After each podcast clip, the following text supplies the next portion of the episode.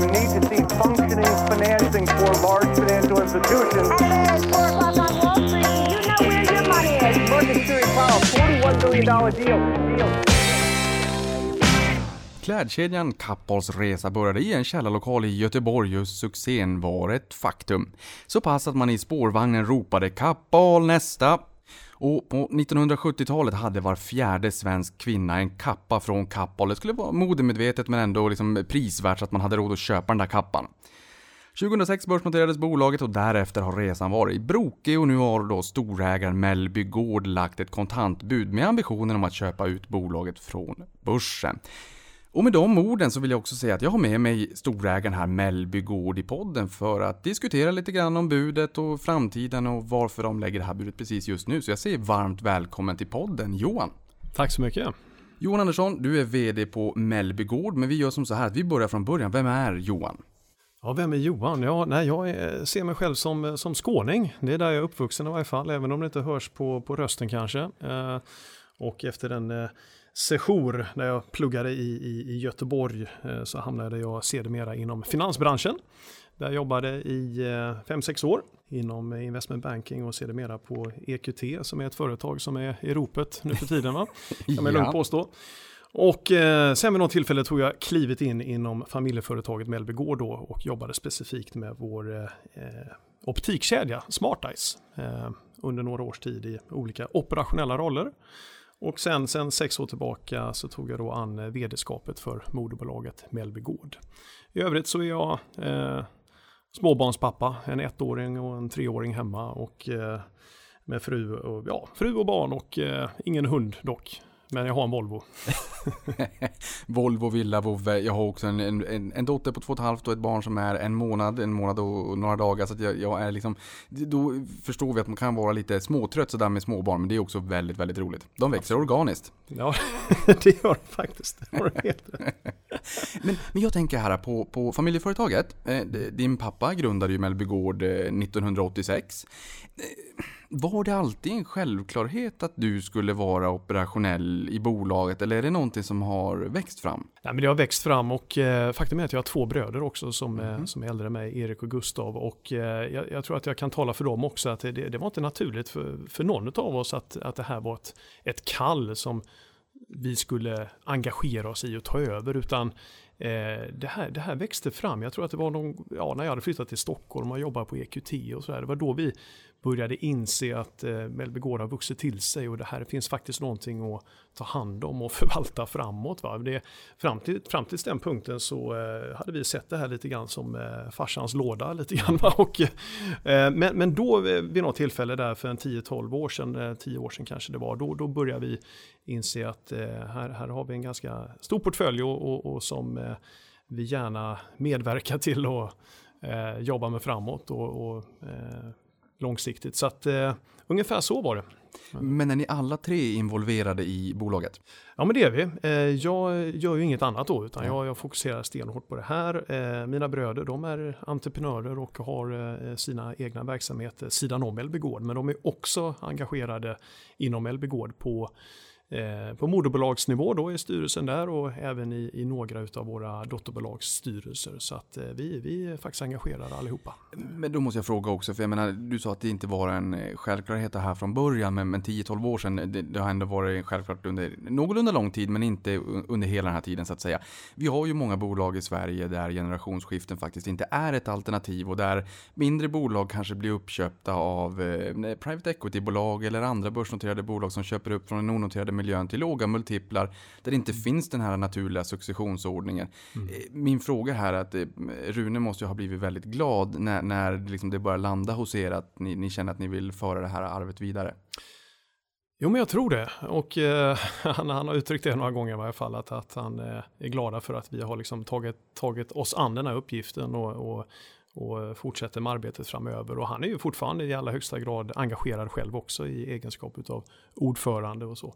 Men eh, eh, nej men jag, jag, jag, tror att eh, mina föräldrar är, är, är, glada för att vi har eh, tagit oss an den, det här och eh, Eh, vad alternativet hade, hade varit an, annars, det, det, vet jag faktiskt inte. Men då kanske det är som du, som du uttryckte där och då, då kanske man hade behövt överväga en försäljning istället och det hade varit väldigt tråkigt. Ehm, och Mellby Gård är inte heller bara en företagsgrupp idag, det är också en, en eh, som namnet antyder, en gård där, där mina föräldrar bor. Och det, så det är ju en eh, en knutpunkt för oss i familjen och vi har mycket emotionella kopplingar till, till det stället och till namnet och till företaget. Så att nej, vi, vi ser fram emot att driva det här under många år framöver. Mm.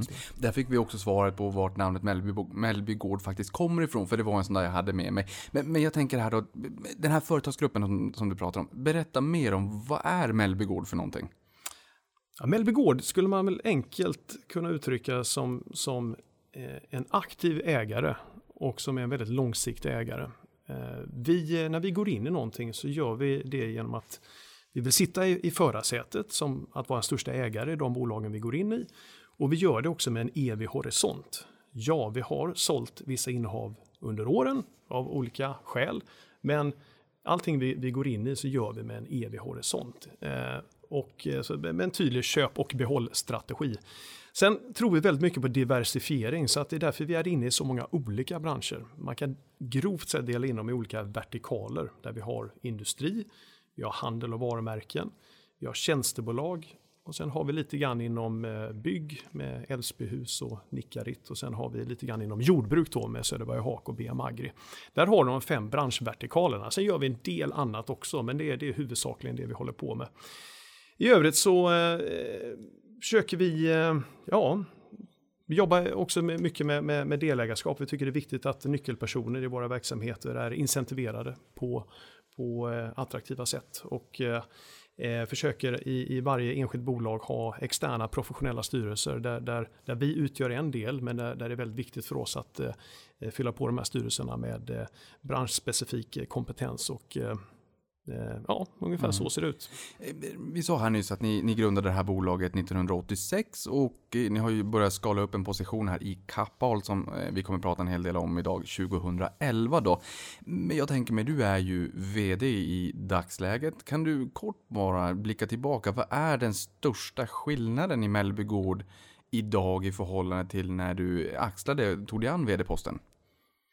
Vad som har varit viktigt för oss och för mig det är att man behöver inte göra revolution på någonting som eh, funkar bra. Jag tog över en firma som eh, funkade väldigt bra och som eh, pappa har byggt upp med, med sina närmsta kollegor.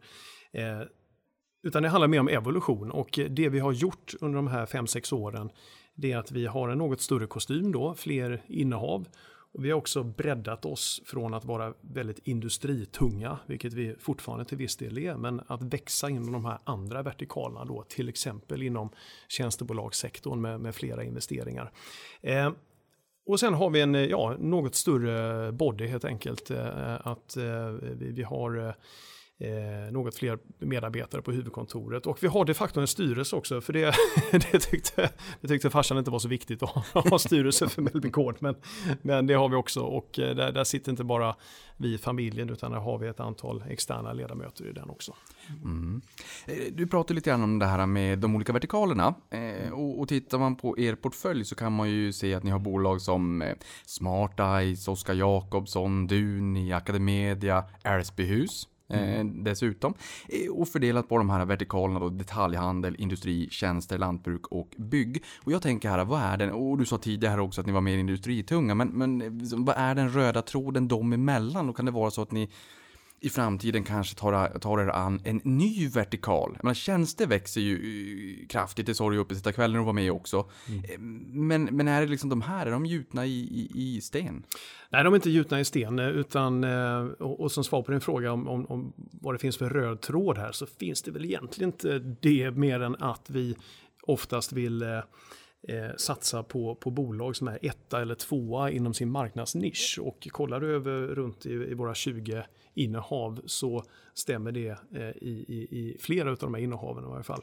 Men vi skulle kunna tänka oss fler vertikaler framåt. Eh, det utesluter jag inte. Och eh, just nu så är det de här fem vertikalerna där vi känner att vi har något att tillföra som ägare. Det är där ligger liksom vår, vår, våra egna eh, hjärnor och hjärtan, men det är också de människorna som vi har runt omkring oss som är engagerade inom LB Gård på olika sätt. Det är där kompetensen ligger. Men Eh, vad en ytterligare en vertikal skulle vara framöver, det kan jag inte svara på här och nu, men eh, vi har ju valt att undvika sånt vi, vi, inte tycker vi är bra på, med energi eller telekom eller fastigheter till exempel. Eh, men vad vi har gjort är att vi har gjort eh, eh en spännande investering i, eh, sen några år tillbaka i Göteborg, ett eh, kreditmarknadsbolag och jag tycker mycket som, som vi nu räknar in som ett av bolagen under tjänster, ja, finansiella tjänster då helt enkelt. Och, ett bolag som heter Aros Kapital och eh, det skulle kunna vara någonting att, att eh, fortsätta satsa på framöver. Att titta på bolag inom finanssektorn, finanssektorn inom fintech eller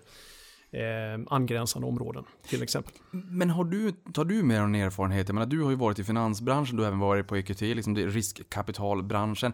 Eh, tar du med någon erfarenhet därifrån för att kunna bygga upp exempelvis den finansiella delen i tjänste, tjänstevertikalen som vi nu förstår Eh, får lite mera fokus?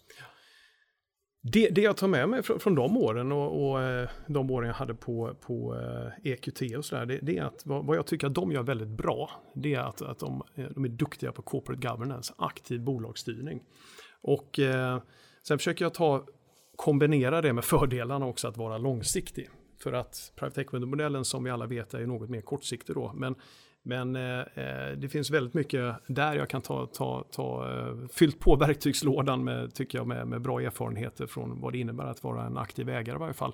Men som svar på din fråga så är det inte så att, att min erfarenhet kanske från, från banking och EQT gör att eh, det är det som är den drivande faktorn varför man eventuellt ska göra ännu fler investeringar inom finans. Det, det, det, eh, det är mer att, att, att jag tycker, eh, och flera med mig, att det är en intressant sektor och, och vi ser hur dessa nischbanker och kreditmarknadsbolag växer på bekostnad av de mer traditionella bankerna. Och jag tror att det finns en, eh, en eh, den, den är redan konkurrensutsatt. Det är många som, eh, som slåss där på en väldigt fragmenterad marknad. Men jag tror att det finns väldigt mycket mer intressant att göra där framöver. Och, så det, det är eventuellt någonting som vi kommer fortsätta fortsätta se vad vi kan hitta. Både organiskt, eh, eh, att, att växa eh, det bolaget vi redan är inne i, men också kanske komplettera det med eventuella andra investeringar och förvärv. Ja, men jag tycker att det är jätteintressant. I helgen så, så tittade jag på dokumentären om Bill Gates på Netflix.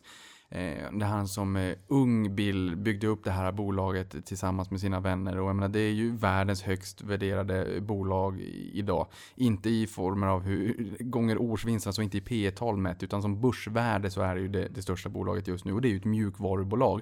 Nu föddes ju inte det förvisso igår, men, men om, om du på en direkt fråga, liksom framtiden för produktbolag kontra kanske lite mer skalbara tjänstebolag. Mm. Finns det någon, förutom nu att tjänstebenet växer hos er, men det är ju kanske för att det också är mindre i förhållande till totalen. Men hur ser du på den balansen framåt? Det händer ju rätt mycket i samhället just nu och det går ganska fort faktiskt. Mm. Nej men absolut, det går jättefort och i, i den här eh, globaliserade världen vi lever i så, så tror jag att, att konkurrensen vad, vad gäller enskilda eh, produkter blir liksom tuffare och tuffare. Va? Men eh, det, det, är därför jag tror att eh, att eh, det, det, går att hitta ännu mer intressanta investeringar inom traditionella tjänstebolag. Men eh, det, det, är ju från ett otroligt stort helikopterperspektiv. Jag är väldigt glad för, för, för, för vissa av de innehav vi har inom eh, industrivertikalen med Rockstex som är världsledare inom sitt segment för tätningar. Vi är inne i, i Flowbird som är världens största Eh, leverantör utav parkeringslösningar med mobila parkeringsbetalningar och eh, traditionella p-automater och betalningslösningar och annat. Så, att, så att det, här pratar vi liksom traditionella produkter i den bemärkelsen som jag eh, tror att framtiden i, i de här nyss nämnda fallen ser väldigt ljus ut för.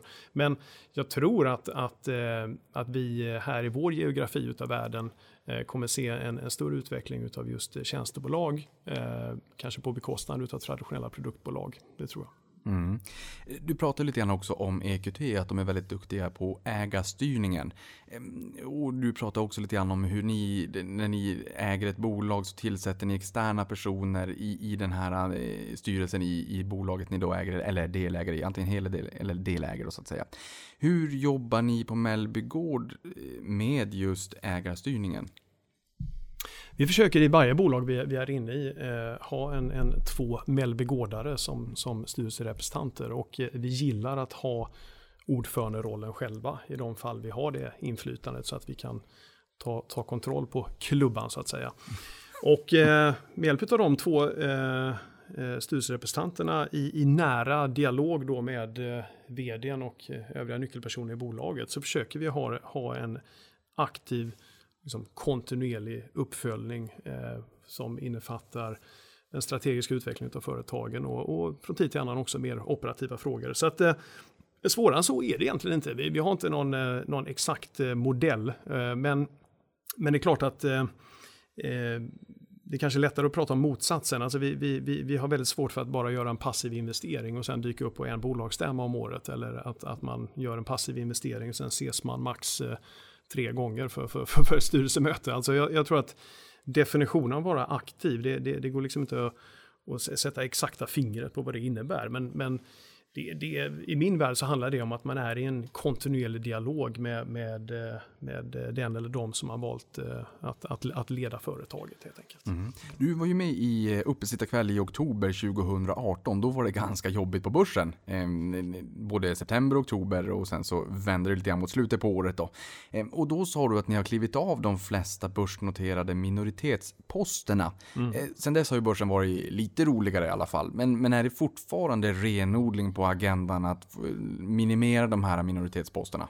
Ja, men faktum är att det, vad, som, vad som hände där i höstas var att det blev en sättning i marknaden. Eh, sen drog vi igång ett initiativ i januari tillsammans med eh, Gustav Tapper, eh, förra medarbetaren på Dagens Industri, som eh, eh, nu tillsammans med oss tar faktiskt minoritetsposter i noterade bolag. Så att eh, eh vi är väldigt glada för den tajmingen och eh, för, för sen, i, sen i början av året så har ju, är som sagt börsen upp 20 procent. Så att, och, och det, det, det, det, det kan eh, tyckas låta som, jag kanske inte, eh, som att jag kanske inte är principfast då i min övertygelse. Va? Men, men där och då så eh, eh tyckte jag på riktigt att, att det, det, var rätt att vara utanför marknaden. Men efter den sättningen som sedermera skedde i slutet av 2018 så bedömde vi sen att eh, ja, det, det var intressant att gå in igen. Så att eh, det var så det är vi väldigt glada för. Men hur länge det här kan hålla i sig, det, det jag borde ställa frågan tillbaka till dig, för du är mer expert än, än mig på, på, eh, på de frågorna. Men eh, eh, det, det, det, finns väl ingenting som, som jag tycker tyder på att det ska ske, ske en sättning igen i marknaden här, för att eh,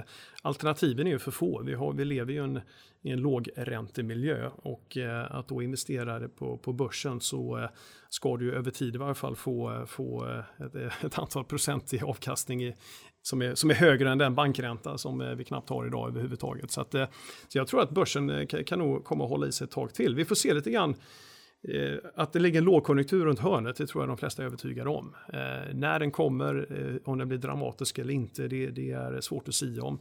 Eh, man ser väl lite signaler lite här och var om att det börjar ske en sättning kon, i, i, konjunkturen och det, det, kanske också får påverkan på, på multiplarna på börsen. Men Eh, i närtid så, så ser, jag, ser jag inget sånt. Och det, det, om man kollar generellt över de bolag vi har i Mellby Gård så upplever vi faktiskt en ganska stark konjunktur i, i de flesta bolag fortfarande. Mm. Mm. Det är väl förhoppningsvis trevligt om vi kan få lite bättre avkastning än, än reporäntan, eller den riskfria räntan, för den är ju verkligen bedrövlig idag. Men jag tycker också att det, det, det är bra att kunna vara pragmatisk och, och um, slakta gamla sanningar. Jag menar i höstas så var det väldigt, väldigt turbulent, men att det säger liksom att ni kan anpassa er ut efter marknadsförutsättningarna, det tror jag är, är Eh, lite klokare kanske än att stånga sig blodig i till förhållande till någonting man har bestämt för en tid sedan. Det går fort i hockey och det gör det på börsen också. Absolut. Eh, men, men då pratar du om att ni kollar primärt på onoterat, eh, om än ni har noterade innehav och nu köper ni ju ut. Vill ni ju köpa ut ett börsnoterat bolag, Kappahl kom in på börsen 2006.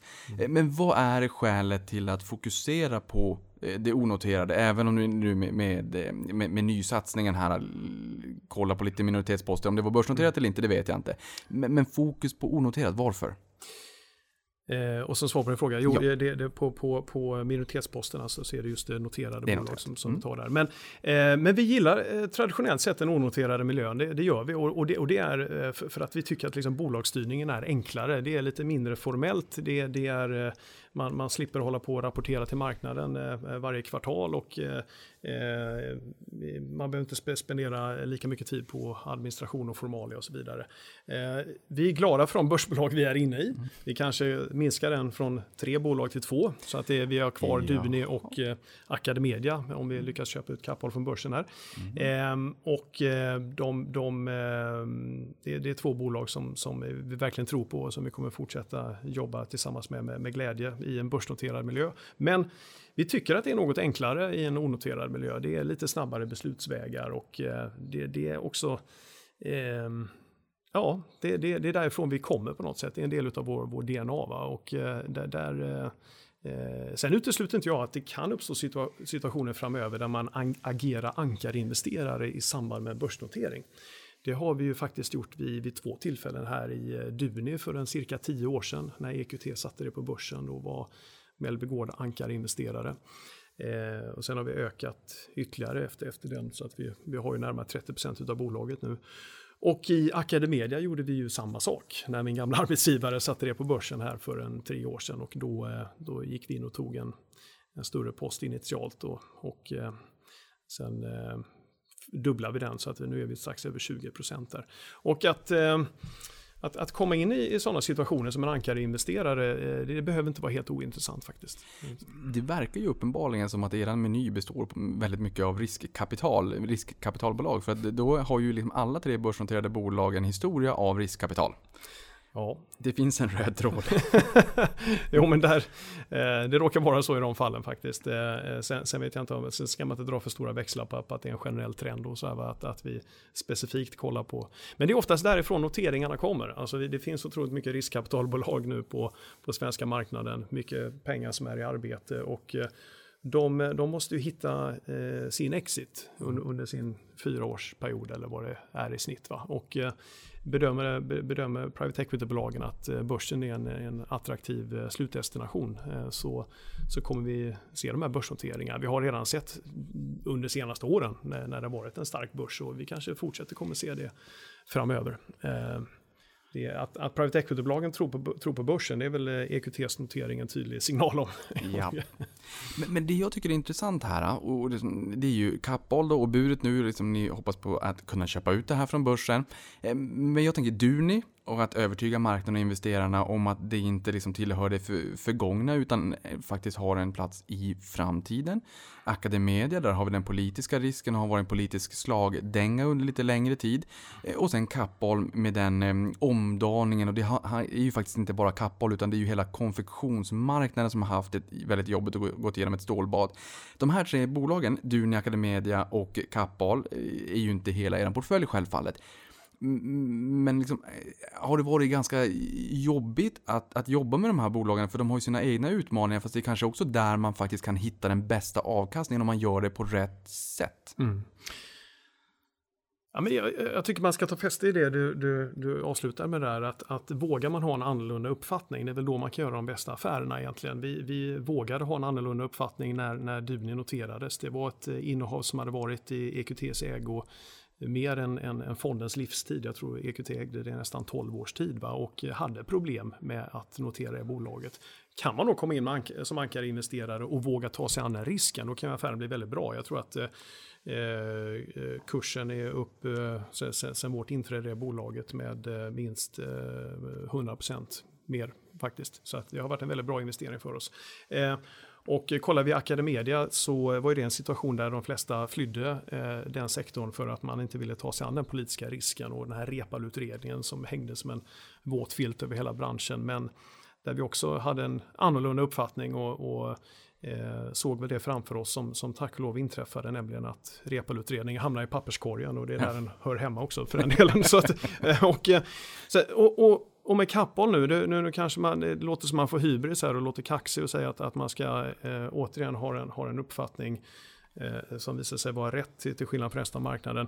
Vi kanske sitter här om tre år igen och så eh, kommer du eh, sitta och små, småskratta lite grann här va. Men, men jag, jag tycker ju att, att, att, att Kappahl är ett intressant och spännande bolag och som är eh, missförstått på marknaden för att eh, Ja, vi, vi ser ju en bransch med otroliga utmaningar där antal kvadratmeter eh, måste minska och det har ju Kappahl annonserat själva också men 20-talet butiker som måste stängas och sådär. Och, eh, 5% ungefär av stocken. Ja, jag tror det är för de har 380 butiker idag så att eh, just det, du har rätt ja. Eh, Cirka, cirka 5% ja. Och eh, ehm, och vi, och vi ser en, en, en otrolig pristransparens, vi ser en global konkurrens, vi, vi ser eh, kravet på att eh, leverera varor till dörren. Alltså, listan kan göras lång utav, utav trender som inte pratar för fysisk handel. Men om man spenderar lite tid på Kappahl och tänker det mer, vad, vad finns under Kappahl? Ja, man, många förknippar det med destinationen Kappahl, men eh, det är också ett bolag som innehåller ett, ett, flera intressanta egna varumärken där kanske Newbie är den tydligaste lys, lysande stjärna då inom, inom just barnkläder. Starkt varumärke för oss småbarnsföräldrar. Väldigt, Väldigt. starkt. Ja, jag har handlat det många gånger. du är jävig. ja, jag är jävig också. Så att, sorry. Eh, men eh, men det har jag också. Ja. Men vi ser också andra, egenutvecklade varumärken med Excellent och Hampton Republic och annat. Och, jag menar, och vi ser också på Newbie att, att då är man inte bara begränsad till Kappahls distributionsnät utan de har också öppnat butiker på egen hand och, och, och så här. Så att, så att jag, jag, jag tror i, i, i den här eh, eh, fortsatta utvecklingen eh, så, så gäller det att, att man satsar mycket på, på sina egna varumärken och eh, verkligen försöker stå på kundens sida och eh, fortsätter satsa på det här migrationen mellan offline och online som jag tycker ändå att Kappahl har börjat göra på ett intressant sätt. Det, det, deras egen e-handel är ju nu mer än 6% av omsättningen med en hög andel så kallad click and collect och eh, andra initiativ för, för att migrera liksom, eh, online och offline på, på ett smart sätt. Så att, eh, vi ser också enligt den senaste Q3-rapporten att eh, man ökar utanför kärngeografierna. Eh, Sverige är ju den, eh, den stora marknaden, sen finns man ju Norge och Finland och eh, eh, men man ser också en ökning nu här i, i Polen när man finns och eh, i England har man gått in också och satsat på, på Newbie specifikt. Va? Så att, eh, det tycker jag är väldigt intressant. Någonting annat jag tycker är oerhört intressant, det är ju det du tar upp här med att man satsar på sina egna varumärken. Och kanske också ser att ur ett kapphåll kanske kan födas egna varumärken som står på egna ben och liksom får blomstra och liksom komma ur moden kapphåll. För är det någonting vi ser så är det ju liksom jobbigt när man har ett varumärke som säljs överallt i retail-ledet, i alla olika butiker och där man konkurrerar om pris. Därför att det är samma produkt. Det spelar ingen roll om jag köper från butik A, B eller C fysiskt eller online. Mm. Utan det är bara pris och gratis frakt som är det viktigaste för mig och vad det kostar för mig som konsument. Det här med att man satsar på egna varumärken som bara finns i ens egna butik. Nu, nu har, finns det ju eh, andra konkurrenter. H&M börjar ju sälja liksom i, på Zalando, på, på Tmall i Kina förvisso. Men, men just det här med att kunna sälja sina egna varumärken i sin egen butik som ingen annan har. Hur pass viktigt är det? Jag tänker liksom det borde vara viktigare än vad man, vad man tänker vid första anblick. Jag tror det är viktigt. Eh, och, och sen ska, ska jag vara noga och säga som en generell sån här disclaimer. Va? Ja. Att, att jag menar, jag, jag eh, eh, sitter idag inte i styrelsen för Kappahl. Vi ska först genomföra den här affären, sen ska vi sätta oss ner med ledning och styrelse och diskutera vägen framåt. Jag har varit tydlig med att under den här budprocessen att, att, att inte försöka uttrycka någon strategi framåt som, som på något eh, ändra sätt inte skulle lira med vilka diskussioner som sker i styrelserummen. Va? Men ja. om jag får uttrycka en personlig åsikt så, så tror jag eh, definitivt på det du säger där att, att för, för, att vara konkurrenskraftig i, i framtiden här så, så måste man eh, göra sina egna varumärken attraktiva och eh, då, då, blir man lite mer agnostisk på, på, på sen Eh, hur, hur eh, övriga delar går va? och eh, hur, hur, hur många som de facto kommer besöka en enskild Kappahl-butik. Man måste satsa på sina egna varumärken. Mm. Definitivt. Mm. Jag tycker att det är lite fascinerande att 2019 så är det väldigt många som pratar om Omnikanal och, och, och Click and Collect. Men det är inte jättemånga, inte bara liksom konfektion utan i retail överlag vad den handlar om. Så är det väldigt få bolag som är riktigt duktiga på Click and Collect. Jag använder Click and Collect jätteofta, tycker det är jättesmidigt för tiden är en bristvara. Men det är alldeles för, för, för få som är duktiga på det eller som ens har anammat det faktiskt. Sant. Vi, vi kommer att prata jättemycket kappboll om en minut, men du eh, pratar lite grann om det här att vara ankarinvesterare eh, och att det är en väg framåt. Innebär det att om ni skulle ta egna bolag till börsen någon gång i framtiden att ni skulle kliva av vid en börsnotering? Eller det här med ankarinvestering att ni, för det är klart att det ska man inte sticka under stolen med, det är en kvalitetsstämpel att se ett välrenommerat, välkänt eh, varumärke, bolag stå som ankare i, i en notering? Eller kan det vara så att ni kliver in som ankare vid en börsnotering till ett, eh, ett nytt bolag som kommer in i portföljen? Exit eller entry? Eh, att, att, att vi kan gå in som ankarinvesterande, eh, ankarinvesterare i kommande börsnoteringar eh, som idag inte finns. Absolut, det, det, det, skulle vi kunna tänka oss. Va? Det, det, eh, uppstår det någon liknande situation som det gjorde med Duni eller med Academedia så tar vi definitivt en, en, eh, en titt på det och på den situationen i fråga. Och eh, det, det, det är också, eh, eh, jag menar, som du säger, jag, jag tror att kollar man statistiken de senaste åren så tror jag den absolut övervägande majoriteten av alla noteringar har skett med någon form av ankarinvesterare. Det är nästan en förutsättning för att sätta ett bolag på börsen och eh, där, där, där, tror ju vi att, att vi kan vara en sådan bra aktör med vår eh, långsiktiga profil och, och med, med eh, ja, eh, på det sättet vi kör bolagen så, så, så, tror jag att, att vi, eller jag hoppas i alla fall att vi kan eh, uppfattas som en bra ankarinvesterare. Men Exakt vilka, vilken bransch det skulle ske eller när den situationen skulle uppstå, det vet jag såklart inte. Va? Men den har uppstått historiskt och den kan definitivt uppstå framöver också. Mm nu står vi inför begreppet då att Kappahl eh, kanske avslutar sin börskarriär för den här gången. Eh, noterades som sagt 2006, nu är vi inne i 2019 och då funderar ju den som inser att ni är långsiktiga ägare strategiskt vågar gå mot vals eh, när alla springer från ett bolag eller en bransch så springer ni dit istället och kan skapa värde. Funderingen här är ju självfallet, kommer vi någon gång att få se Mellby Gård på börsen så att småspararna får vara med på den här resan? Mellby Gård som moderbolag? ja. Nej, det tror inte jag faktiskt. Utan eh, eh, vi, vi trivs väldigt bra i den eh, privata miljön med, med vårt moderbolag och det, det är vår eh, eh, vår vilja att det ska fortsätta så framöver faktiskt. Så att, eh, där, där får jag nog tyvärr, om jag tvingas säga ja eller nej där så, så får det bli ett nej på den frågan. du andra bolaget i rad i den här podden som säger att det inte kommer en stamaktie. Förra var Akelius som har D-aktien, men det blir ingen stamaktie där heller. Roger ville också ha det där eh, i egen regi. Den 29 juli så eh, la ni ett kontantbud på Kappahl då, om 20 kronor per aktie. Eh, vad föranledde det här budet? Ja, men det, det, var en ganska snabb process faktiskt. Det, det, det är klart att det är, det är någonting som har legat i bakhuvudet ett, ett tag. Det är det att, att den dagen vi bedömer att, att aktien är, för lågt värderad här, då, då, eh, då kanske man eventuellt ska klippa till. Va?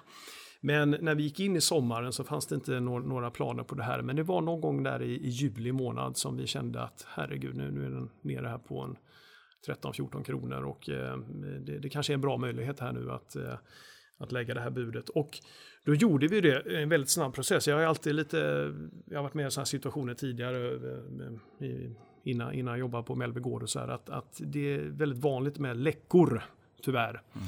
Och så därför så ville vi köra en väldigt kort och tight process och inte villkora den av extern finansiering och sådär. Utan eh, jag tror att eh, från att vi hade första mötet med våra rådgivare så låg budet i marknaden mindre än två veckor efteråt och det, det får man väl betrakta som, som rekordfort faktiskt. Eh, och eh, ja, det var där vecka 29, vecka 30 någonting. när, när alla låg på stranden då bestämde vi oss för att lägga ett publikbud i, i marknaden istället. Ni fick ta semester därefter eller kanske efter att det här är klart. Men, men jag tänker också så här, blir man inte besviken om det, och så kanske alltid är så att säga, men blir man inte lite besviken om det läcker? Man blir jättebesviken. Eh, och eh, det, det är därför eh, jag har, jag har dålig erfarenhet av det där att ju fler personer som är involverade i en affär, eh, ju fler rådgivare du har, ju fler diskussioner du har och det ska förankras etc. Plötsligt när du börjar tänka efter så är det inte längre fem pers som känner till det här utan det är plötsligt 50-75 pers som känner till vad du ska göra och eh, då är det tyvärr så att en eller flera kan inte riktigt vara knäpptysta om det här och, och då, då eh, Eh, är min erfarenhet i varje fall att, att man kan se vissa rörelser i, i, i aktiekursen som, som inte kan förklaras av något annat än att det sker läckage. Och det, det ville vi göra allt för att motverka. Eh, och jag tycker vi lyckades bra den här mm. gången. Eh, jag såg inga konstiga kurs, kursrörelser i aktien innan, eh, innan budet presenterades. Det låter bra. Eh, som sagt, Kappahl noterades 2006 och då var det av Nordic Capital och Accent Equity då. Och då sa ju bolagets vd att en notering var väldigt bra för bolagets framtida utveckling och expansion. Då inser man att saker och ting kan gå, kan gå fort. Vi pratade nyss här om liksom stöket i höstas. 2006 är liksom en evighet i den här branschen. Men nu 13 år senare så är det ju faktiskt tvärtom och aktien är ner nästan 90% sedan dess. Eh, vad är det som har hänt? Ja, vad är det som har hänt i, i, i bolaget? Ja, det, det kan man ju... Det är en väldigt öppen ja, en bred fråga.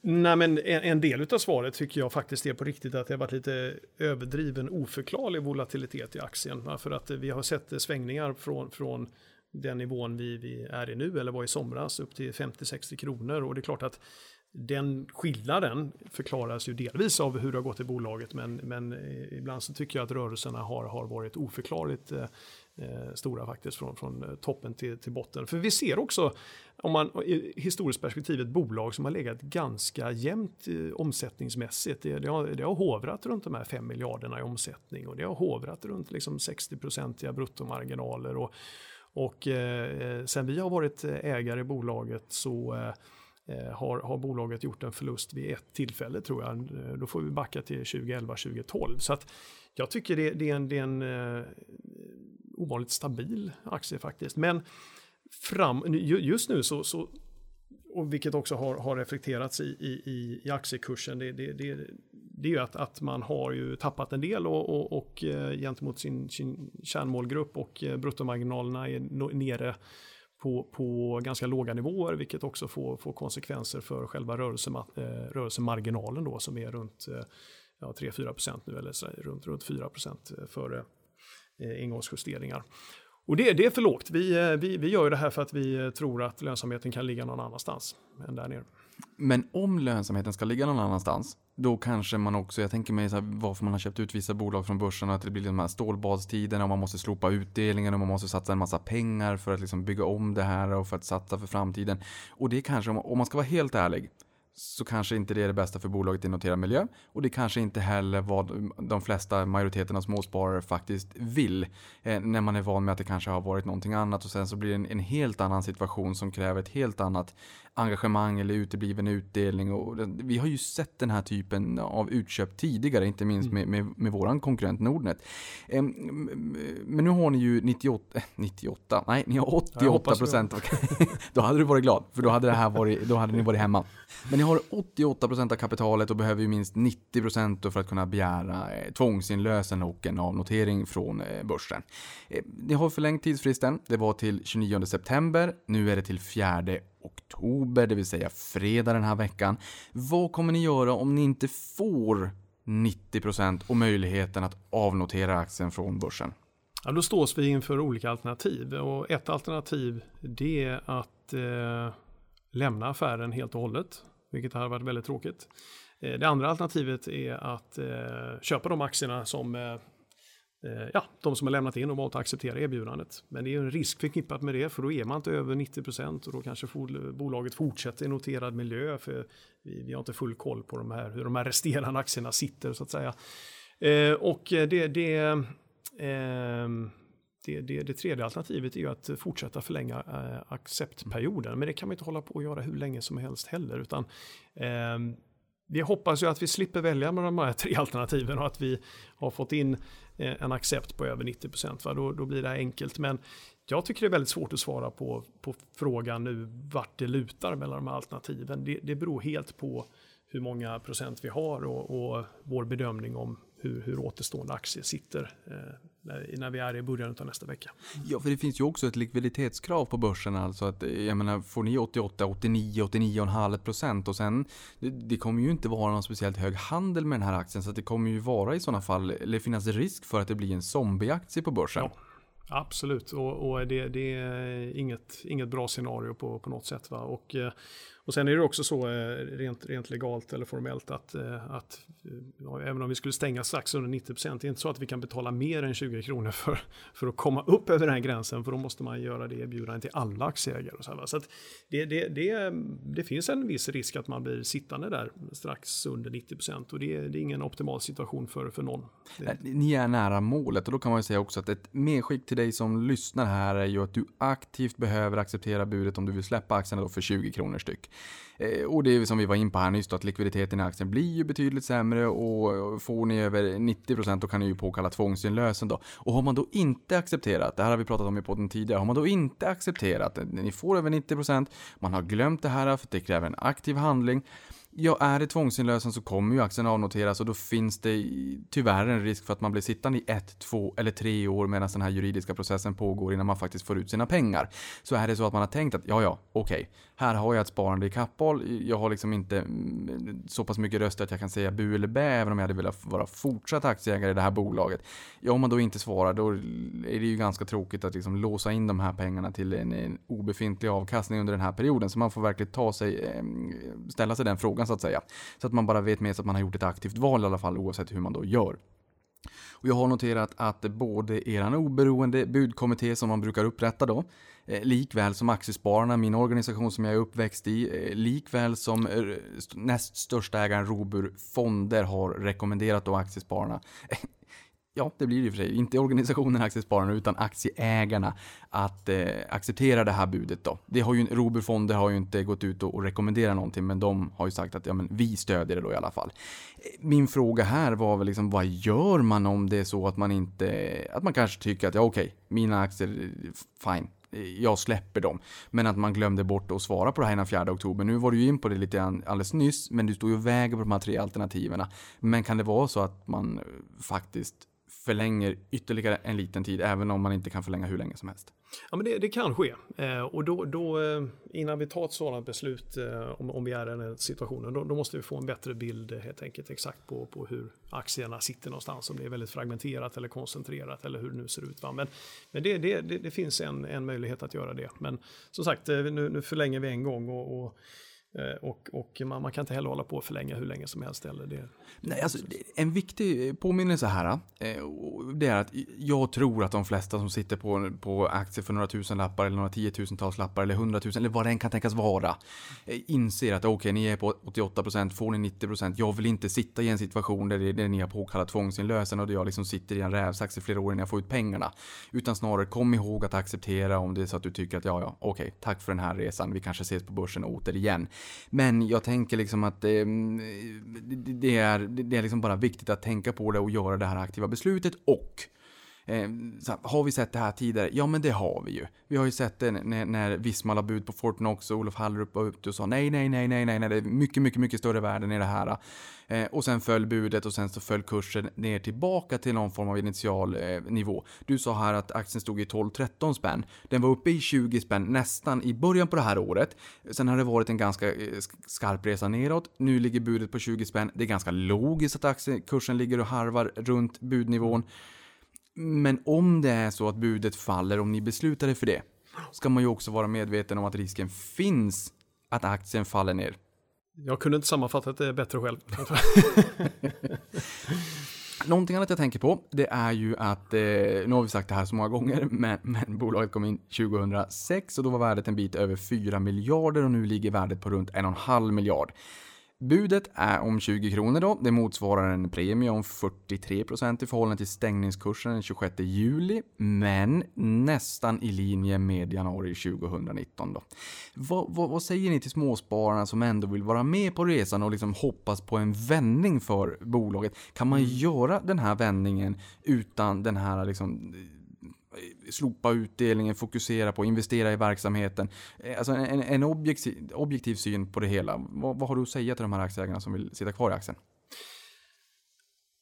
Det, det, får man ju, och jag skulle vilja lägga till också att, att eh, ja, det, det, var i linje med, med hur aktien tradade i början av det här året, men och, och, och att det var 40, 43% premium på, på spotpriset, det, det stämmer ju uh, absolut, men det är också en bra premie på hur aktien uh, tradade 30 dagar innan och, och uh, över en 90 dagars period. Eh, då pratar vi också en premie om 30-40%. Så att när vi la det här budet så eh, hade vi just det i åtanke som, som du är inne på nu. Eh, gör man någon besviken här, blir det här ett svårt ställningstagande eller inte? Det är därför vi ville presentera ett bud som ändå innefattar en väldigt bra premium på, på, på hur aktierna har handlat. För att eh, jag tror ju att, eh, jag menar, vi, vi tror ju på bolaget, annars hade vi inte lagt det här budet så att säga. Och, eh, men jag, jag, tror att sitter man som aktieägare då så ska man också vara medveten om att det, det är ett, eh, en, en, en, tuff sektor och eh, det är ett bolag som eh, kommer att eh, göra en hel del saker framöver här som, som innefattar mer eller mindre risk. Va? Vi har ett antal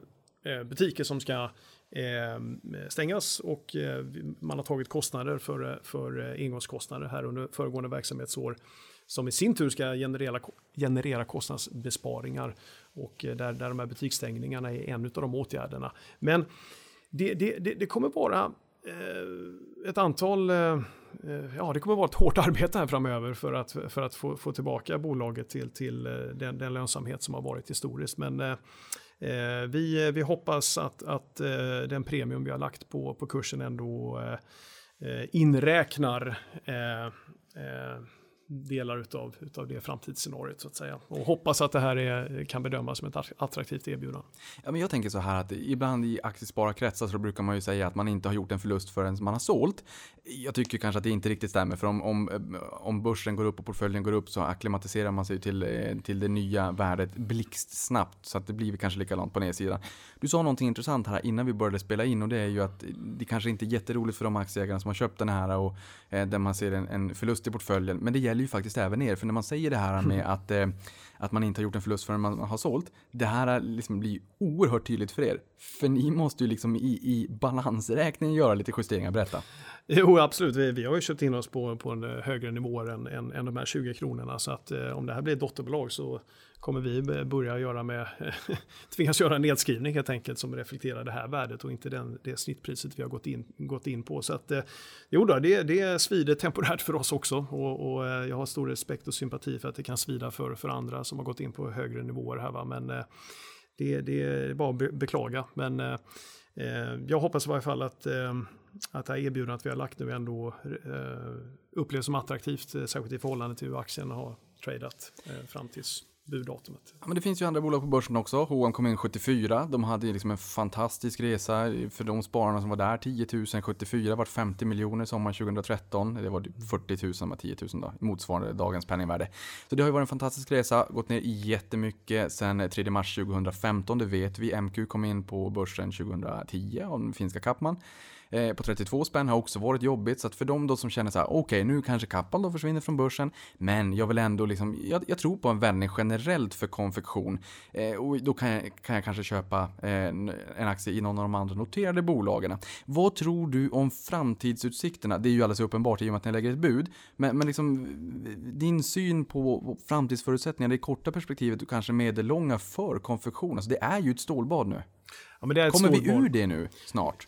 Jag tror ju att eh, det kommer vara ett fortsatt stålbad. Vi kommer se ett antal aktörer som går omkull. Eh, vi såg nyheter om det i morse här bland annat. Och eh, både någon som gick omkull och någon som eh, vinstvarnade. Det kommer vi fortsätta se framöver. Jag vet att det, det, det finns de eh, onoterade bolag där, där ute som har det tuffare än vad de har haft på väldigt länge.